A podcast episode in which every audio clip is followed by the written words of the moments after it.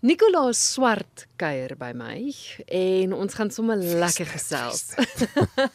Die luisteraars gaan nou uitvind wie Nicolaas Swart is. Miskien kom ons begin daarby want dan gaan mense dadelik ah, dis dis van waar ek hom ken. Nathaniel, jy Dis- het vir hoe lank nou vir hom gewerk? vir ehm um, 15 jaar in totaal en voor dit was ek betrokke by van sy produksies. So dit is eintlik nou al 'n goeie som van 17 jaar in totaal. Dis die man wat altyd op die verhoog daar agter staan en sing. Ja, wat ook nie hare het. Ook nie hare op 'n stadium gehad het, maar definitief baie lank terug. Ja. Nikolaas, hoekom ek met jou gesels is, jy is weg by Nathaniel. Ek ek ek wil weet hoekom en ek wil weet wat gaan nou gebeur, maar kom ons gaan eers ver terug want jy het eintlik 'n 'n loopbaan gehad voor jy van Nathaniel begin sing het.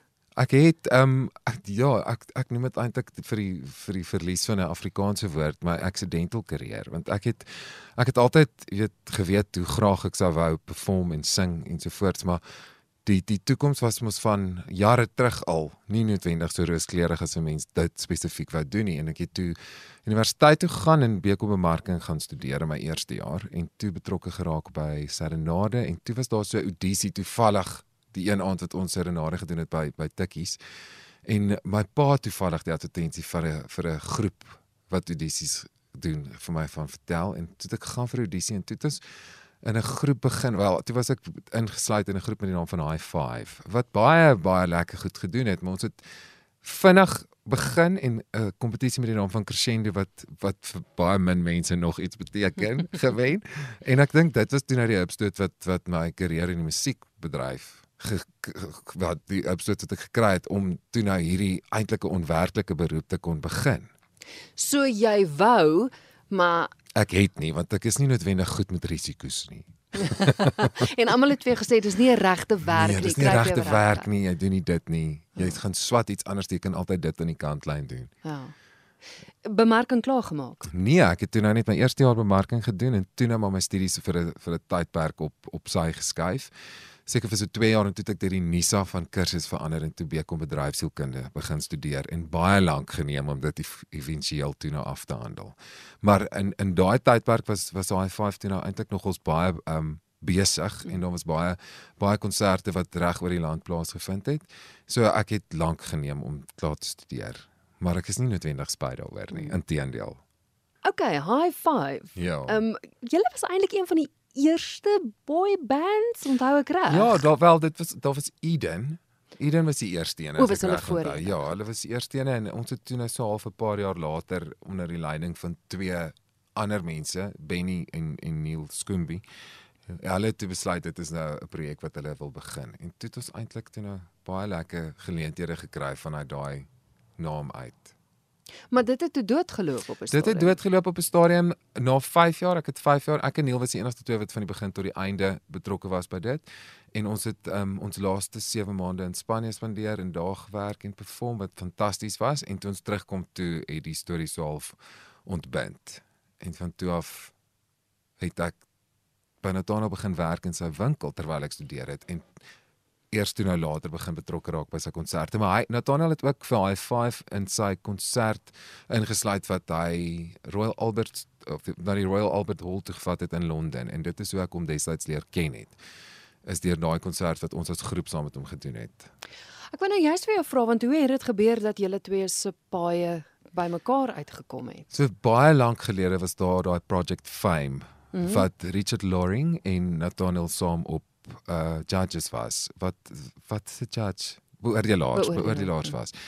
Toe het Nathaniel die konsert wat ons het destyds in die Richard Loring se soundstage 'n baie lang produksie gedoen saam met I5 mm -hmm. en die produksie se naam was Oh Boy. En Nathaniel het toe die groep daar sien perform en dit is toe nou maar net hoe die hoe die paai die lyne gekruis het. Dit was self die die die beginpunt van van 'n verhouding wat 'n klomp klomp mense betrek het saam met Nathaniel onder sy vaandel. Hm. Wel hy maak geen geheim daarvan dat hy dink jy is die mooiste mens op aarde nie. So dis seker hoekom hy jou raak gesien. Nee, daar's baie omstredenheid wat dit aan betref want ek was daai tyd nog goed oorgewig. Ek was 'n ou patat vir 'n lek of 'n better word.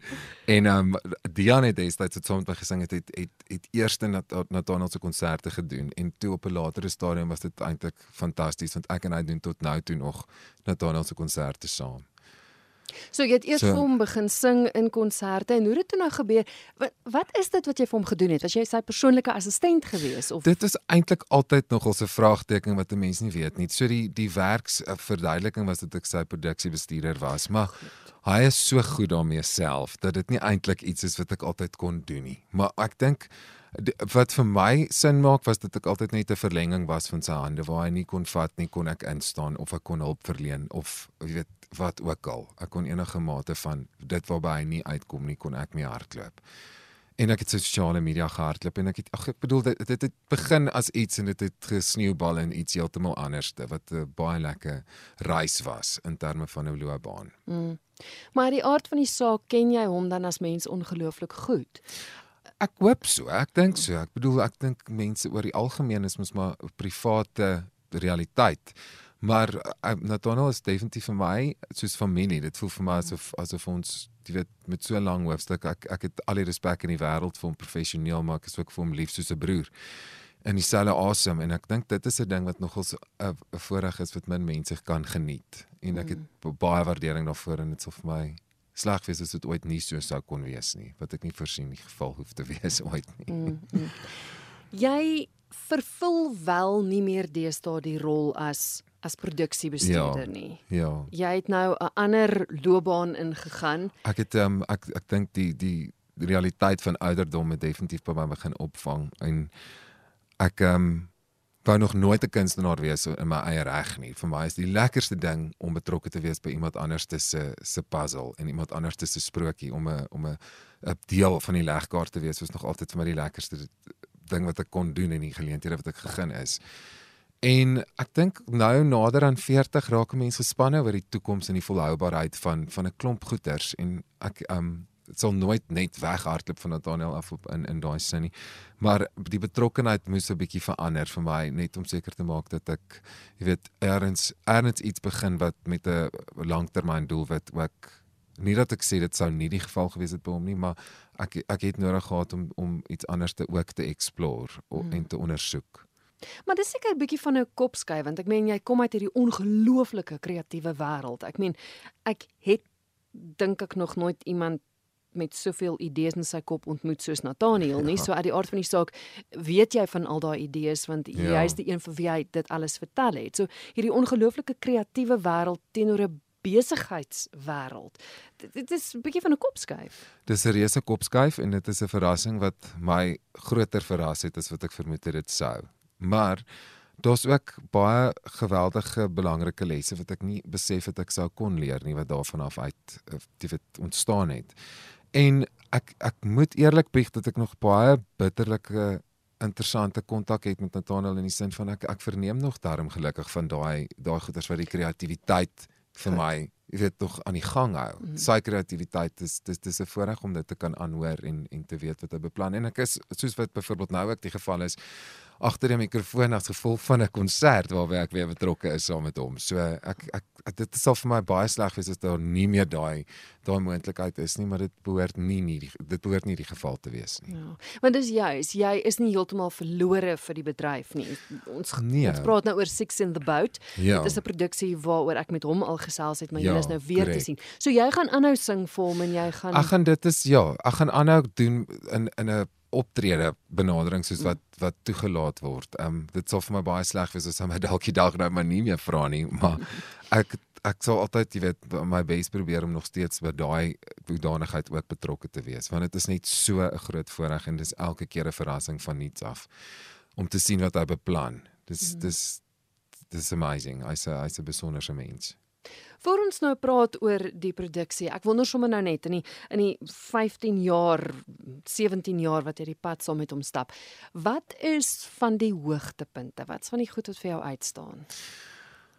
Ek dink ek is nogal 'n eienaardige wese want natuurlik wil mense instink eers te vir jou vir jou sê o dit is die groot geleentheid op die groot verhoog met die met die grootste ligte en alles wat groot is maar wat vir my uitstaan is daai is daai persoonlike oomblikke waar ons saam travel byvoorbeeld na in die middel van nêrens om hom te sien funksioneer wanneer hy iets beplan of om op die oggend by die kantoor op te daag wat waar waar hy woon en om agter die klavier te sien sit en sy kreatiewe proses te kan aanskou vanuit 'n oogpunt uit wat niemand regtig weet nie en om die hoogtepunte vir my is om te weet dat dat hy 'n ongelooflike harde werker is en dat hy altyd eerste hardste werk, eerste die hardste werk.